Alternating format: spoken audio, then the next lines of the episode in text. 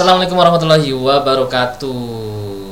Orang biasa dalam sejarah luar biasa bersama saya Zain dan Mas Wiwit dan Zain. Zain. Zain. Zainnya harus sekarang ganti Iya, apa? Penekanannya dibikin yang lebih.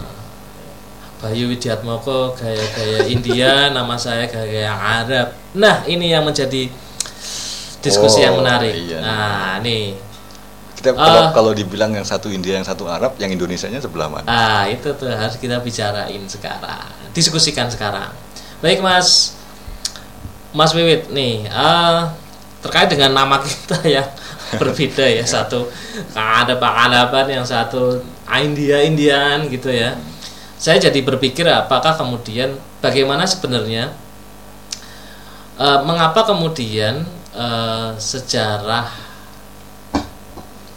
proses sejarah dari peradaban hidup Buddha gitu ya ke ke, ke sejarah Islam gitu ya di masa khususnya di Jawa dulu deh saya kita ngobrolin tentang Jawa. Misalnya terkait dengan misalnya transisi dari Hindu Buddha ya pas zamannya Raja Empu Sendok misalnya gitu ya Mm-mm. ke Mataram gitu misalnya di Kalau- Jawa kan kalau Mataram transisi ya Hindu ya berarti ya kalau Mataram kuno itu. Iya Mataram kuno eh, ke Mataram eh, ke Mataram Islam gitu.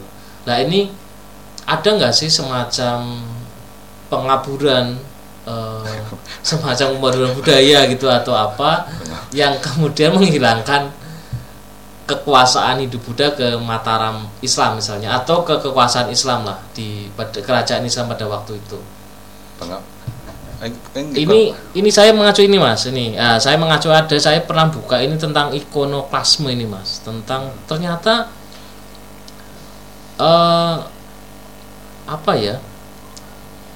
Ikonoklasme adalah terkait dengan pemusnahan ikon atau gambar-gambar seni religius yang dihormati khususnya dalam gereja Kristen Ritus Timur. Ah ini ini terkait dengan ini ya. Saya tidak bisa melihatnya dari dari hanya satu satu kasus ya. Mm-mm. Tapi ikonoklasme ini secara makro adalah memusnahkan ikon-ikon dari kekuasaan masa pada saat itu ke untuk dihapus ke masa untuk kepentingan ke penguasa saat itu gitu loh. untuk Sebelumnya ke Oh, masa untuk- sekarang. berarti untuk ini ya untuk untuk untuk se- apa semacam mengganti legitimasi terhadap satu kebudayaan baru, pemahaman Hmm. baru. Kalau Hmm. mungkin sekarang anggap aja kayak ideologi baru. Ya, kayak gitu. Makanya semua simbol, semua ikon dari Hmm. periode sebelumnya Hmm. harus diganti. Nah, cara menggantinya itu mau dengan kalau ikonoklasme kan penghancuran, dia Iya, cenderung- iya, ah. cenderungnya ke penghancuran dan biasanya studinya banyaknya ke Eropa ikonoklasme. Ya, ya, kalau saya melihat kan di sini eh, Eropa ya. Nah, pertanyaannya adalah gini, Mas. Apakah ada ikonoklasme dalam sejarah Di selain sejarah di Eropa. kita? Iya, di di Jawa lah. di kita Jawa kita terutama khususnya di. Jawa. Hmm, Jawa. Ya kalau kita ingat obrolan kita sebelum-sebelumnya bahwa di masa dulu itu nggak ada negara yang sekuler, Hmm. berarti semua urusan negara itu ya urusan agama. Agama, ya. Dan urusan agama itu urusan negara. Jadi Hmm. kalau umpamanya kita balik lagi ke sedikit menyinggung soal Eropa tadi itu. Hmm. Eropa itu sebenarnya nggak bisa juga dibaca itu soal soal agama, yaitu soal Hmm. soal kekuasaan, soal state oke. Ya, ya. soal state soal kekuasaan juga gitu jadi kalau kalau agamanya nggak diganti pemerintahan yang baru nggak mungkin berdiri Hmm. kan kayak Ya, gitu ya. dari kayak di Eropa itu dulu ada istilah mestinya bahasa bahasa Latin tapi saya kan nggak bisa bahasa Latin jadinya Hmm. bahasa Inggrisnya itu eh, eh, berubahnya Roma dari city of man menjadi Hmm. city of God Hmm. city of man itu maksudnya dulu itu eh, dasar berpikirnya mereka itu humanisme. Humanisme itu artinya Hmm. semua preferensi tentang baik buruk benar salah adil atau enggak adil itu eh, fokus sentrumnya itu kepada manusia bukan kepada agama. Oke, jadi manusia yang memutuskan itu. Nah ketika masuknya era na- Kristen Kristian nah preferensi nilai itu diserahkan kepada agama menjadi menjadi ajaran agama artinya Oke. yang memutuskan benar salah baik buruk itu jadi Tuhan kan Oke, Nah, ya. cuman Tuhan ya kayak gitu ya kayak kita bahas pernah sebelumnya apa sebelumnya Ah. Nah, kalau konteksnya demikian dan waktu itu tidak ada negara yang sekuler di zaman Ah. itu, Ah. artinya ikonoklasme ikonoklasme itu juga pastinya berlangsung di semua tempat. Oke, mengenai di ya. semua tempat. Cuman, nah yang kita bisa lihat di Nusantara atau di Jawa sendiri, gitu. Hmm. Karena dari dulu kok seolah-olah Jawa itu menjadi sentrum dari Asia Tenggara. Padahal kalau katanya si apa eh, Abel Apian itu yang orang laut, dia Hmm. cuman bilang eh, ada faktor yang tidak bisa digantikan kenapa Jawa menjadi sentrum itu karena faktor angin. Oh, kok bisa? Karena pelayaran kan waktu dulu Oh, pelayaran. iya, gitu. iya, iya. Eh, karena Ya. faktor angin posisi Ya. Jawa menjadi diuntungkan. Full, gitu. Iya, iya. Oh, Untuk jadi kalau umpamanya dari Maluku untuk ngejar ke sampai ke Malaka dia nggak akan dapat angin akhirnya mau nggak mau barangnya di dropnya di Jawa. Jawa. Oke, Nah, iya. ketika musim angin berganti yang Hmm. dari dari barat juga kayak gitu Ah, untuk ke ah. timur Hmm. berartinya di Malaka di- ya jadi itu ada posisinya posisinya alam maksudnya faktornya alam ya bukan Ah. dan terus ketika teknologi berkembang ah, ketemu kapal uap ketemu opo Hmm. sebenarnya kan posisi sentrumnya itu nggak harusnya bisa bisa ke bisa ke tempat yang lebih strategis Iya. namanya ke Malaka kayak atau Hmm. ke kalau sekarang Singapura lah Iya, iya. Batam gitu. Cuman em, ketika Jawa telah menjadi sentrum selama berabad-abad, Hmm. di situ juga terjadi pe- pe- perkembangan budaya, perkembangan Hmm. peradaban, Hmm. yang akhirnya juga dia menjadi semacam hegemon terhadap Hmm. teritori-teritori yang lain. Orang untuk belajar tentang sesuatu ya mau nggak mau ke Jawa. Oke. Bahkan mungkin sampai sampai sekarang kan orang Iya, iya. mau kuliah ke mana ke Jawa. Ke Jawa, ah. Jawanya mana Jogja gitu. Jawanya Jogja gitu. Hegemonnya kan kayak gitu. Iya, Nah, iya, iya. eh, cuman ah, itu faktor alam. Hmm. Nah kalau faktor yang non alam itu kan berarti kan faktornya manusia. Maksudnya Iya, iya. ketika manusia ingin merubah, eh, kalau istilahnya kan eh, antara hegemon ada Hmm. revisionisnya Hmm. ada revisionisnya. Setiap hegemon itu ada revisionisnya. Hmm. Nah, dari sejarah kita ketahui setiap pergantian hegemoni Hmm. itu selalu disertai dengan perang, Oke. perang ya, besar, ah. perang besar mau dari Romawi sampai apa ya.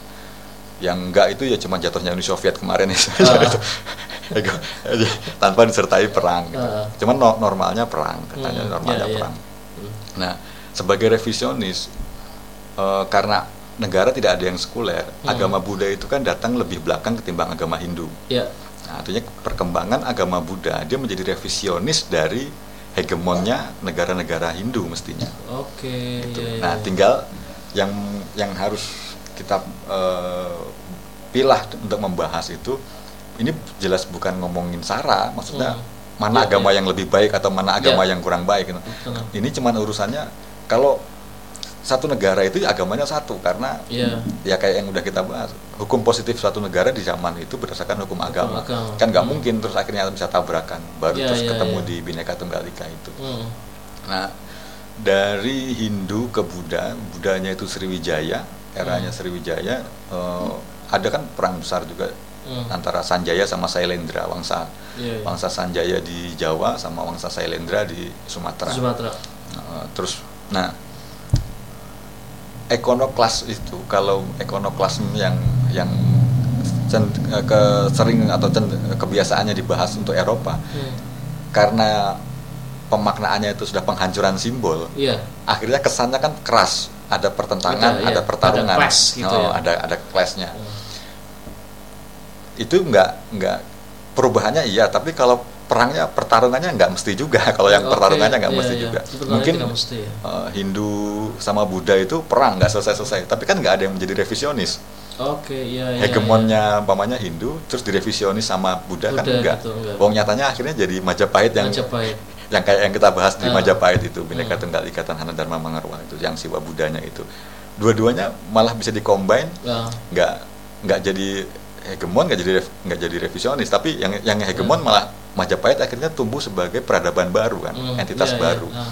nah dari situ sebenarnya Nusantara atau Jawa sendiri itu sudah Hmm. jauh lebih dewasa ketimbang Eropa karena bisa bisa Bisa mengelaborasi iya itu. mengelaborasi itu ya ya kan bisa kayak gitu kan nggak konflik lah gitu Uh, kan Hmm, konflik. iya. Nah kalau mau dibilang pertarungan pertentangan, ya perangnya kan, ya ada perangnya. Tapi kan soal penyelesaiannya kan nggak terus Hmm, hegemonnya tumbang, revisionis muncul, Oke. Hmm. atau hegemonnya bisa menghancurkan revisionis dan mempertahankan ikon-ikon, simbol-simbol Hmm. untuk mempertahankan budaya-budayanya. oke Terus kalau, nah kayak umpamanya gini di di tempat lain juga dengan Hmm. kultur yang mirip dengan kultur Hindu di India umpamanya. Hmm, iya.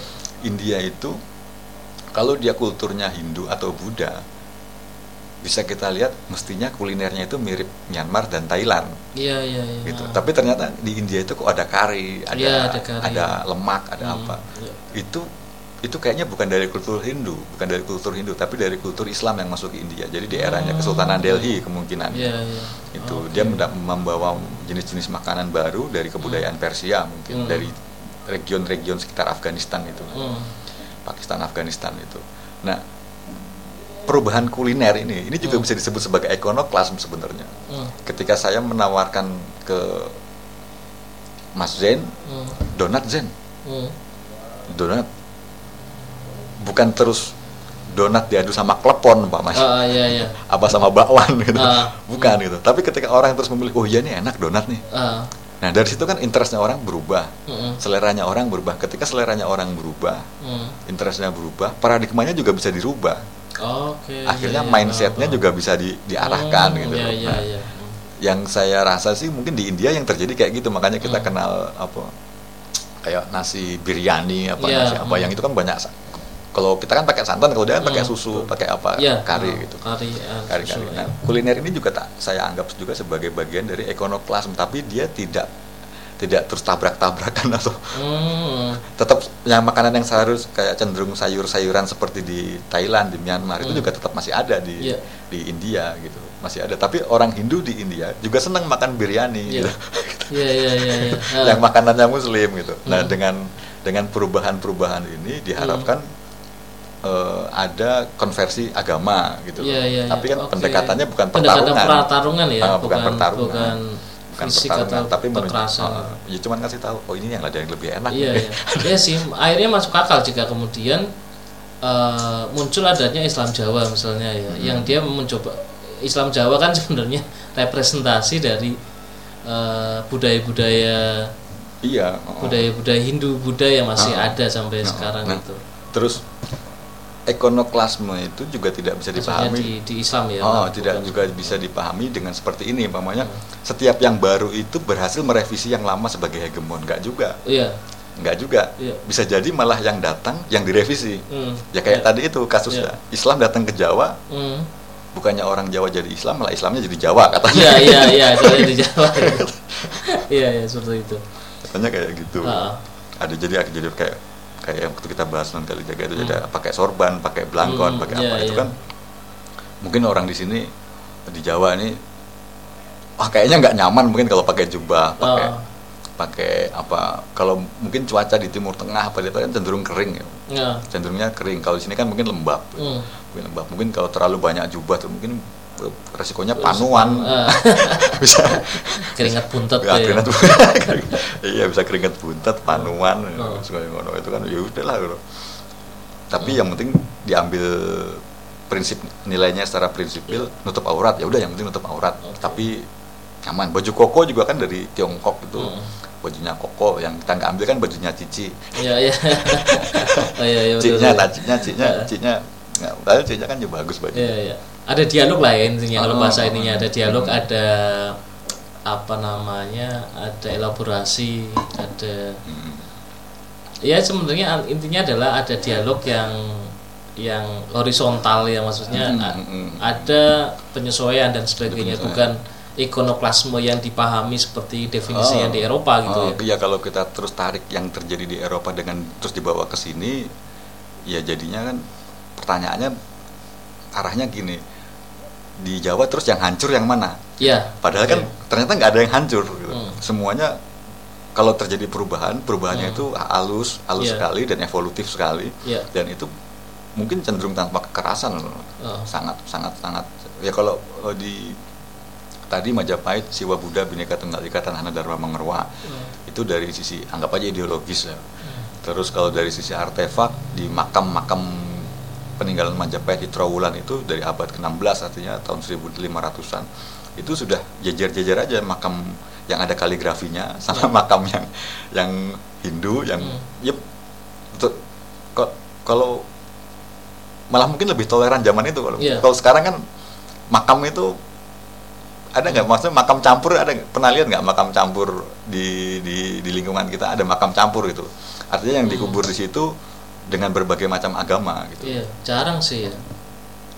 jarang atau gimana mas karena kalau di kultur kita ya ada ada apa makam Kristen Mm-mm. Katolik ya saya ada makam Cina, ada, ada makam kuburan Cina, iya. gitu. ada makam Muslim gitu ya. Uh, lah, yang yang susah susah akhirnya jadi Hmm. susah itu kan gini. Kalau dalam kepercayaan Islam, kalau ketika orang dikubur itu kepalanya harus pada kiblat eh, oh uh, kalau di, di Jawa ya di utara, Oh, utara, kakinya utara selatan, selatan, menghadapnya menghadap ke barat. Pokoknya ngadep kiblat lah, kiblat. kiblat. Nah, Posisi-posisi ini kan kalau mamanya terus berbeda-beda agama kan jadi sungsang-sungsang Sungsang, kuburan. iya, iya, benar, Artinya benar. kalau yang mayoritasnya muslim akhirnya yang agama lain menyesuaikan dengan Menyesuaikan bentuk kuburannya bentuk yang muslim. Nah, hmm, arahnya. nah, akhirnya kan juga nggak nggak bisa disebut oh yang Islam itu terlalu menghegemoni terlalu dominan ya kan enggak lah ya Iya, karena iya. mayoritasnya Muslim Hmm. kalau nanti yang agama lain saudara-saudara kita yang beragama lain terus pengen sendiri-sendiri Sendiri, maksudnya ya. pengen bikin desainnya sendiri Iya. saya mau maunya eh, saya maunya menghadap ke ini nih ke rumahnya Shahrukh Khan di Oh, India iya. makanya Hmm. karena dia idolanya Bollywood itu terus jadi sungsang-sungsang kan Hmm. ya nggak muat banyak jadinya Iya, iya, benar-benar. jadi pemborosan tempat kan tata ruangnya susah nah yang yang mestinya dikaji juga sampai ke situ sebenarnya Iya. di makam-makam itu bagaimana caranya nenek moyang kita di zaman itu Hmm. membuat tata kelola supaya nggak ada yang ribut gitu iya iya benar nggak ada yang ribut gitu. iya iya iya apalagi kan yang mungkin zaman itu yang mayoritas bukan muslim kan Hmm. artinya kan muslim yang harusnya mengikuti kalau di Iya. area pemakaman itu Hmm. yang di area pemakaman itu muslimnya pengen enggak saya kepalanya harus di utara nggak bisa Iya. terus lah yang yang sebelum sebelumnya udah terlanjur madepnya eh, barat sama timur gitu lah kan jadinya oh sungsang sungsang kayak gitu Benar. kalau umpamanya ternyata kuburan-kuburan itu arahnya yang di Trawulan itu cenderung dari utara ke selatan Hmm. arah mubujurnya Hmm. berarti yang bisa, bisa disebut toleran itu Hmm. malah saudara-saudara kita yang Hindu dan Buddha karena dia Hmm. mayoritas tapi mau ngalah sama iya iya iya iya. mau ngalah kenapa ngalah dan dia kalau nggak kayak gitu nanti masuk neraka kan kasihan Iya. Tapi memang kalau saya melihat gini ya, mungkin bukan hanya ya enggak tahu ya kalau di di kalau misalnya di Tionghoa misalnya di Hmm. Tiongkok ya, Hmm. saya mengatakan Tiongkok. Tiongkok itu kan saat kemudian agama Buddha di di Tiongkok itu kan Hmm. sepertinya visualisasinya itu berbeda dengan dengan oh iya di di Jepang, apa di India atau di India misalnya Hmm. seperti itu. Itu kan cuma keritingnya yang sama Iya, padahal keritingnya. orang-orang Tiongkok nggak ada yang keriting Iya. Dan sipitnya ya Oh, itu kan sipitnya. akan terus berbeda gitu. Ini juga mungkin bagian dari cara cara cara orang Asia berdialog sepertinya dalam, iya konteks iya itu. ya. akhirnya akhirnya soal keku, soal agama dan kekuasaan ini di region Asia itu Hmm. relatif lebih bisa didialogkan Didialogkan. Hmm. ketimbang ke Eropa kan malah lucu padahal Eropa itu Nah, pertanyaannya adalah itu tadi. tuh? Pertanyaan adalah kenapa Eropa bisa seperti itu? yang nggak tahu mungkin bener omongannya Pak Primadi yang waktu kita bahas dulu itu mungkin Hmm. mungkin ya karakternya orang daratan lah mungkin kayak gitu Oke, oke, oke. Iya, iya. karena di di di umpamanya region kayak semacam India juga kan masih masih kita lihat em, saudara-saudara kita yang di sana itu yang Muslim sama yang Hindu sama yang Jainism atau Sikh atau apa Hmm. itu cenderung pemukimannya itu per distrik jadi Oke, ya. aja ke kampung kayak kampung Muslim Hmm. kampung apa jadi kayak gitu nggak nggak nggak seperti kita kalau kita kan perbedaannya itu cuma ada di KTP aja di dalam dompet Iya, ah, ah. kalau di di lingkungan itu nggak kelihatan lah Hmm. sama sekali Hmm. nggak kelihatan gitu walaupun ada alasan fundamental kalau umpamanya soal kalau yang muslim soal najis sama nggak najis Hmm. karena urusannya sama ibadah Hmm. gitu kan nggak bisa ditoleransi juga gitu Hmm. kayak gitu tapi kan ternyata kalau soal najis sama nggak najis itu dibawa ke wilayah eh, higienis atau enggak Hmm. semuanya Iya, iya. bersih atau enggak gitu. Ah. Terus saya kira ya semua orang kan nerima kan. Kayaknya kita Hmm. kita bahkan mungkin orang-orang Eropa yang ateis juga nggak suka kan sama yang jorok-jorok juga. Iya. Terus gini mas, terkait dengan tadi ngomong tentang ikonoklasme di di di Jawa misalnya dengan Mm-mm. ya akhirnya juga munculnya adalah elaborasi atau Mm-mm. atau dialogis ya, kemudian mencari jalan tengah atau mungkin bisa dibilang moderat itu ya mas ya. Nah terus pertanyaannya kayak gini mas, ini ini awam saya dan ini saya tidak ada unsur sara di sini Iya. agar Iya. saya menitik beratkannya agar kemudian tidak jadi masalah mas Hmm. adalah kenapa di Sumatera gitu ya Hmm. di Sumatera itu terutama di daerah maaf ya saya sebutkan ya daerah Minang misalnya Hmm. itu eh, kuat sekali Islamnya ya Mm-mm. kuat sekali Islamnya sampai sebenarnya apakah sebelumnya ada kultur kultur Hmm. pagan di situ yang kemudian berubah jadi Islam dan itu adalah bagian dari ikonoklasme itu mas ya kalau iya kan ya balik lagi kan eh, kalau mungkin maaf saya potong dulu mas kalau Palembang gitu kan Hmm. masih kelihatan unsur-unsur Hindu Budanya masih kelihatan Oh. dengan gaya pengantinnya misalnya ya sama kayak di Jawa masih ya masih kerasa masih- ya mas ya. masih kerasa tapi banget, tuh. bagaimana di terutama di Melayu ya saya tidak menyebutnya hanya Minang tapi Hmm. Melayu gitu eh, di Riau eh, Minang gitu itu Nah. bisa berbeda gitu mas eh kalau kalau bahasa aksioma ya Pak. mungkin Hmm. aksioma aksioma itu mungkin mirip kayak fitrah ya. Ya. Jadi kodratinya sifat manusia itu kan ingin selalu menjadi yang lebih baik. Mm. ingin punya kehidupan yang lebih baik. Terlepas dari background kepercayaannya apa keyakinannya apa. Tapi setiap orang itu memang fitrahnya menjadi eh, pengen lebih baik kehidupannya. Mm. nah pergeseran atau pergantian atau peralihan yang terjadi di Minang di Minang gitu mamanya di Minang itu juga terus nggak bisa juga kita lihat mamanya kita baca kayak tadi yang hancur yang mana ya kan enggak ya ketika ada sesuatu yang bisa menawarkan lebih baik ya gitu. Ya kayak ya kita di Jawa umpamanya, di Hmm. Jawa mayoritasnya masih muslim, Mm. tapi gaya busananya American style banget. oke ya, Ya, ya, ya. gaya busananya Hmm. gaya busananya American style, gaya gaya busananya Eropa British. ya ya British eh, ngomongnya aja ya banyak bahasa serapannya juga lah kayak kita ngomongnya Iya, kayak iya, gini. iya. Tapi kan kepercayaannya enggak. Cuman Hmm. kita memilih satu kondisi yang lebih baik gitu. Hmm. Nah, kondisi yang lebih baik ini dia bertentangan nggak dengan nilai yang dia yakini oke siap gitu. siap Nah, nilai yang saya maksud itu gini. Mm. eh, kalau di Eropa sejarah itu terus berjalan sampai ke era sekuler. ya Eh, jadi the, apa ada tuh buku yang saya lupa penulisnya tapi the Scholar Age Hmm. itu tebel itu nah Eropa sampai a- kepada pilihan sekuler dia men, me- udahlah menggeser agama aja Hmm. membentuk kehidupan pemerintahan yang sekuler Hmm. di sini kan enggak walaupun maksudnya gini eh, walaupun pemerintahan itu sekuler atau enggak sekuler tetapi Hmm. ketika pemerintahannya memilih untuk sekuler Hmm. artinya sugesti kepada masyarakatnya itu ya mending sekuler oke ya kan kayak gitu beda dengan be- beda dengan dengan dengan yang terjadi di region-region selain Eropa kayak Hmm. umpamanya di kita di Jawa apa di Sumatera Hmm. Eh, sebelum eh, republik sebelum ada republik Hmm. kerajaan-kerajaan itu kan masih ada ya kalau Belanda itu punya perjanjian namanya lang kontrak atau korte kontrak itu kalau Hmm. di Sumatera Barat itu namanya plakat panjang gitu Hmm. artinya eh, perjanjian dari pemerintah kolonial kepada penguasa setempat Oh, ya. dalam hal tata pemerintahan atau apa termasuk hukum Hmm. hukum pidana perdata tapi kalau hukum waris hukum Hmm. penikah hukum Hmm. kematian apa ya itu kamu agamanya mau punya sendiri gitu Hmm. nah itu juga ternyata kan Belanda sebagai orang Eropa yang datang ke sini Hmm. belajar juga harus akhirnya mau nggak mau belajar juga untuk mengelaborasi itu kan Hmm.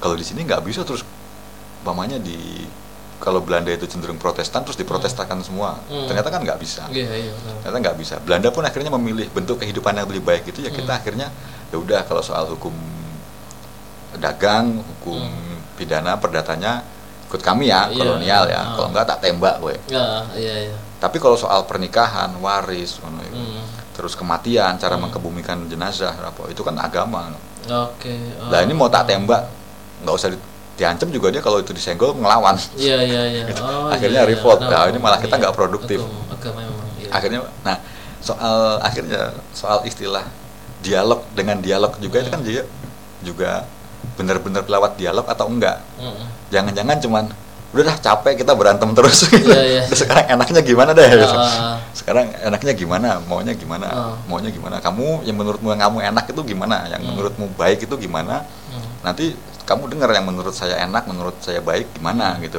Nanti baik ketemu baik kan hasilnya harusnya baik Mm. lebih baik. Iya, iya. masa baik ketemu baik hasilnya buruk? Ya. enggak dong gitu. Nah kayaknya Belanda malah banyak belajar di sini. Mm, banyak belajar di sini. Cuman si nah Belanda itu Belanda Inggris kan nggak sekuler akhirnya kan dia. Karena dia monarki. Iya, monarki. monarki kan. Monarki. dia nggak monarkinya kan yuk ada agama resmi kerajaan Iya, ada. walaupun pemerintahannya itu apa eh, perdana menteri ya parlementer atau apa Hmm. itu kan sistem pemerintahan Hmm. tapi eh, Monarkinya monarkinya Hmm, tetap nggak bisa lepas dari, dari agama agama, iya. nggak bisa lepas Hmm. monarkinya nggak bisa lepas dari agama Hmm. kayaknya juga nggak ada sih monarki yang nggak beragama itu Iya, monarki ateis umpamanya ada iya. nggak ada nggak kira-kira ada nggak Ya nggak ya se sepengetahuan saya nggak ada sih. Nggak ada. Iya, kayaknya. Nggak ada kan? Iya. nggak ada kan? Iya, selalu berafiliasi dengan eh, terus eh, kita berafiliasi, selalu ada koneksinya ya Ah, dengan kan. mm, mm, mm, dengan keagamaan. Nah terus dari era Hindu Buddha Hmm. terjadi perang kayak gitu. Kita mau sebut ikonoklas nggak? Hmm. nyatanya ada Prambanan ada Borobudur. Iya. dua-duanya Hindu sama Buddha. Ada di, ada di satu tempat yang Hmm. berdekatan. Terus sampai masuk ke eranya Oh iya ya, anu Buddha apa? Ya saat Prambanan dan Borobudur sebenarnya satu kawasan ya. satu kawasan kan satu kawasan Iya. satu kawasan gitu apa kalaupun umpamanya dianggapnya mungkin gini dianggapnya gini udah kita nggak usah hancur-hancuran kita adu konsep aja ya Iya. kayak umpamanya kalau dalam sisi yang profan Hmm. eh, ya kamu bikin mall aja saya juga Hmm. bikin mall juga nanti Iya, kita lihat siapa. pengunjungnya yang banyak yang gimana kan akhirnya kita bagus-bagusan Hmm. Ya kayak karya arsitektur bikin Iya konsep sih. Kalau di Yogyakarta atau di daerah Jawa Tengah gitu ya, daerah Klaten itu kan ada Prambanan dan Ratu Boko. Ratu Boko itu Hmm. Buddha, Hmm, hmm, hmm, hmm, hmm. sedangkan Prambanan itu adalah eh, Hindu. gitu. Hmm. Hanya cuma berjarak berapa meter, berapa kilo tuh mas?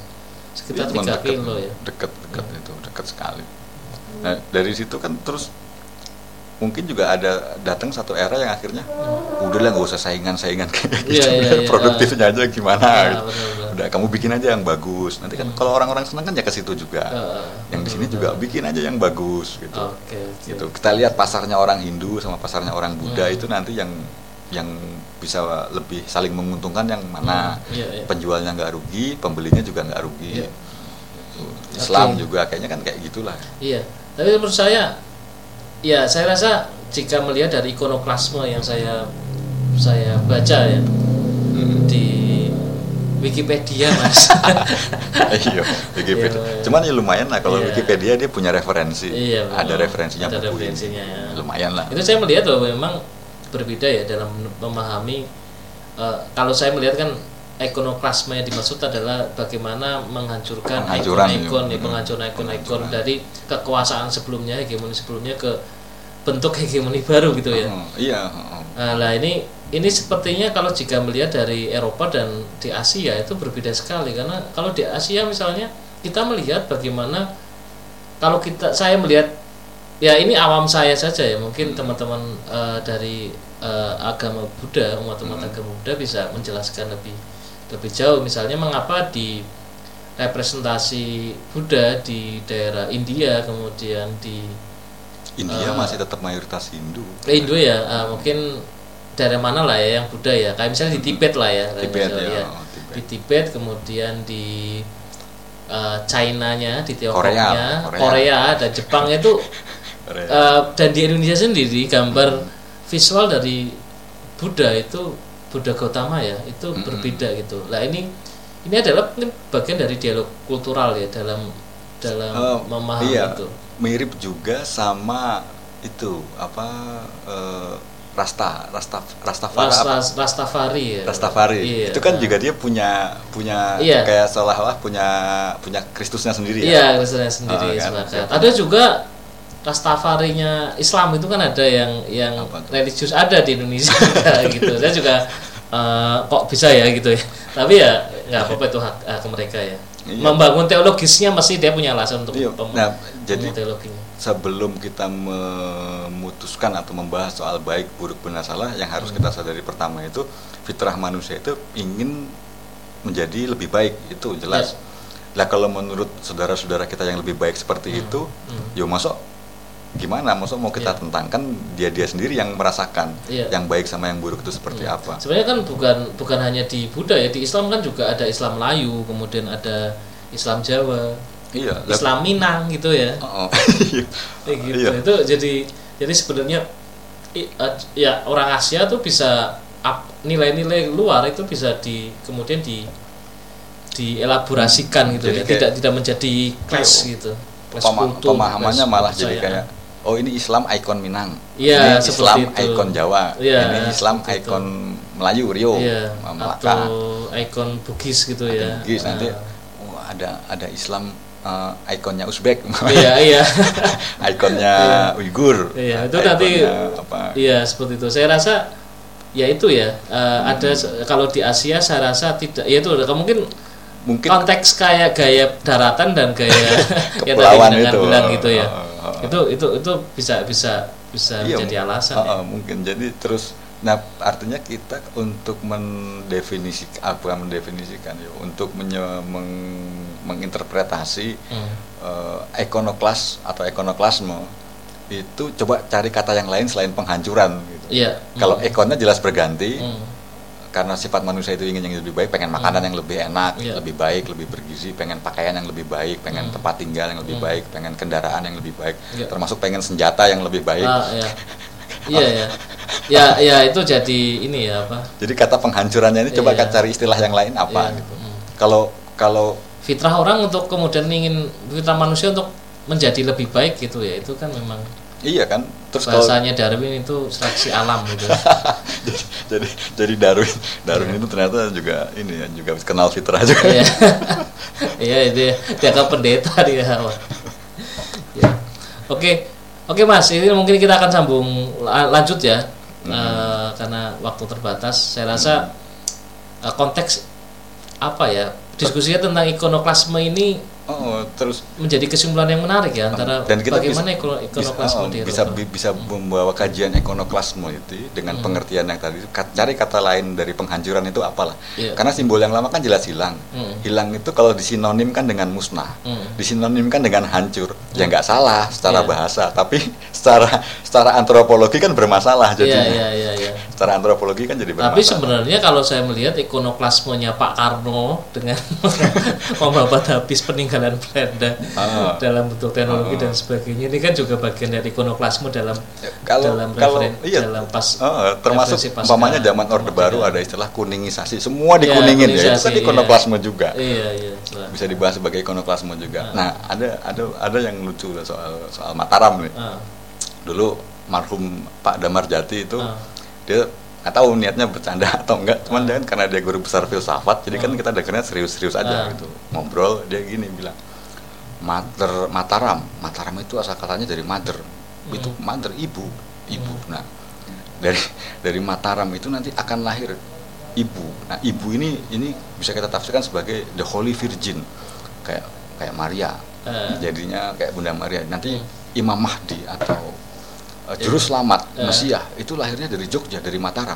Karena dari da- Iya, dari kita- Mataramnya, iya, iya. Mataram itu Mataramnya Jogja. Nah, delalah waktu itu ada teman dari Lombok. Hmm. Terus dia bilang gini, Pak di tempat kami juga ada Mataram. Mataram apa? Mataram, kota Mataram, Mataram. Oh, ada juga tuh Mataram di Lombok gitu. Terus dia bilang, yaudah kalau gitu yang Lombok siap-siap aja. Kalau bukan dari sini ya berarti dari situ. ini lagi ini kalau di Twitter ini lagi ini namanya dark joke ya. Wah ini memang niatnya bercanda nih Pak. Damar kita aja yang selalu apa terlalu serius dengarnya. Oke, oke. Ya, Oke Mas, terima kasih ya diskusi kali ini tentang ikonoklasme. Kesimpulannya saya rasa menarik ya terkait dengan itu. Baik, terima kasih atas eh, apa ya? eh, join teman-teman untuk mendengarkan eh, apa namanya eh, podcast kali ini. Kita kembali lagi nanti di orang biasa dalam sejarah luar, Luar biasa.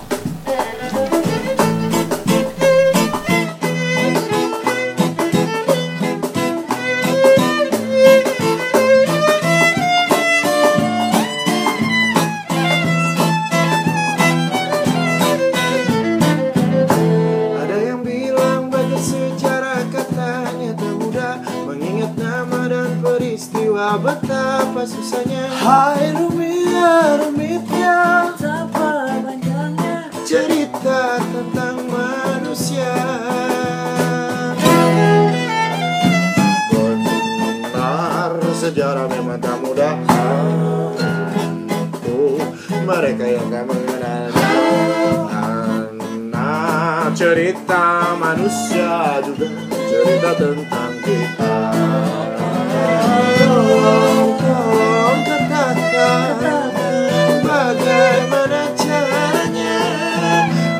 Ku dapat mengerti, ku pahami Hingga ku jatuh hati. Engkau akan menangkan sejarah selalu berubah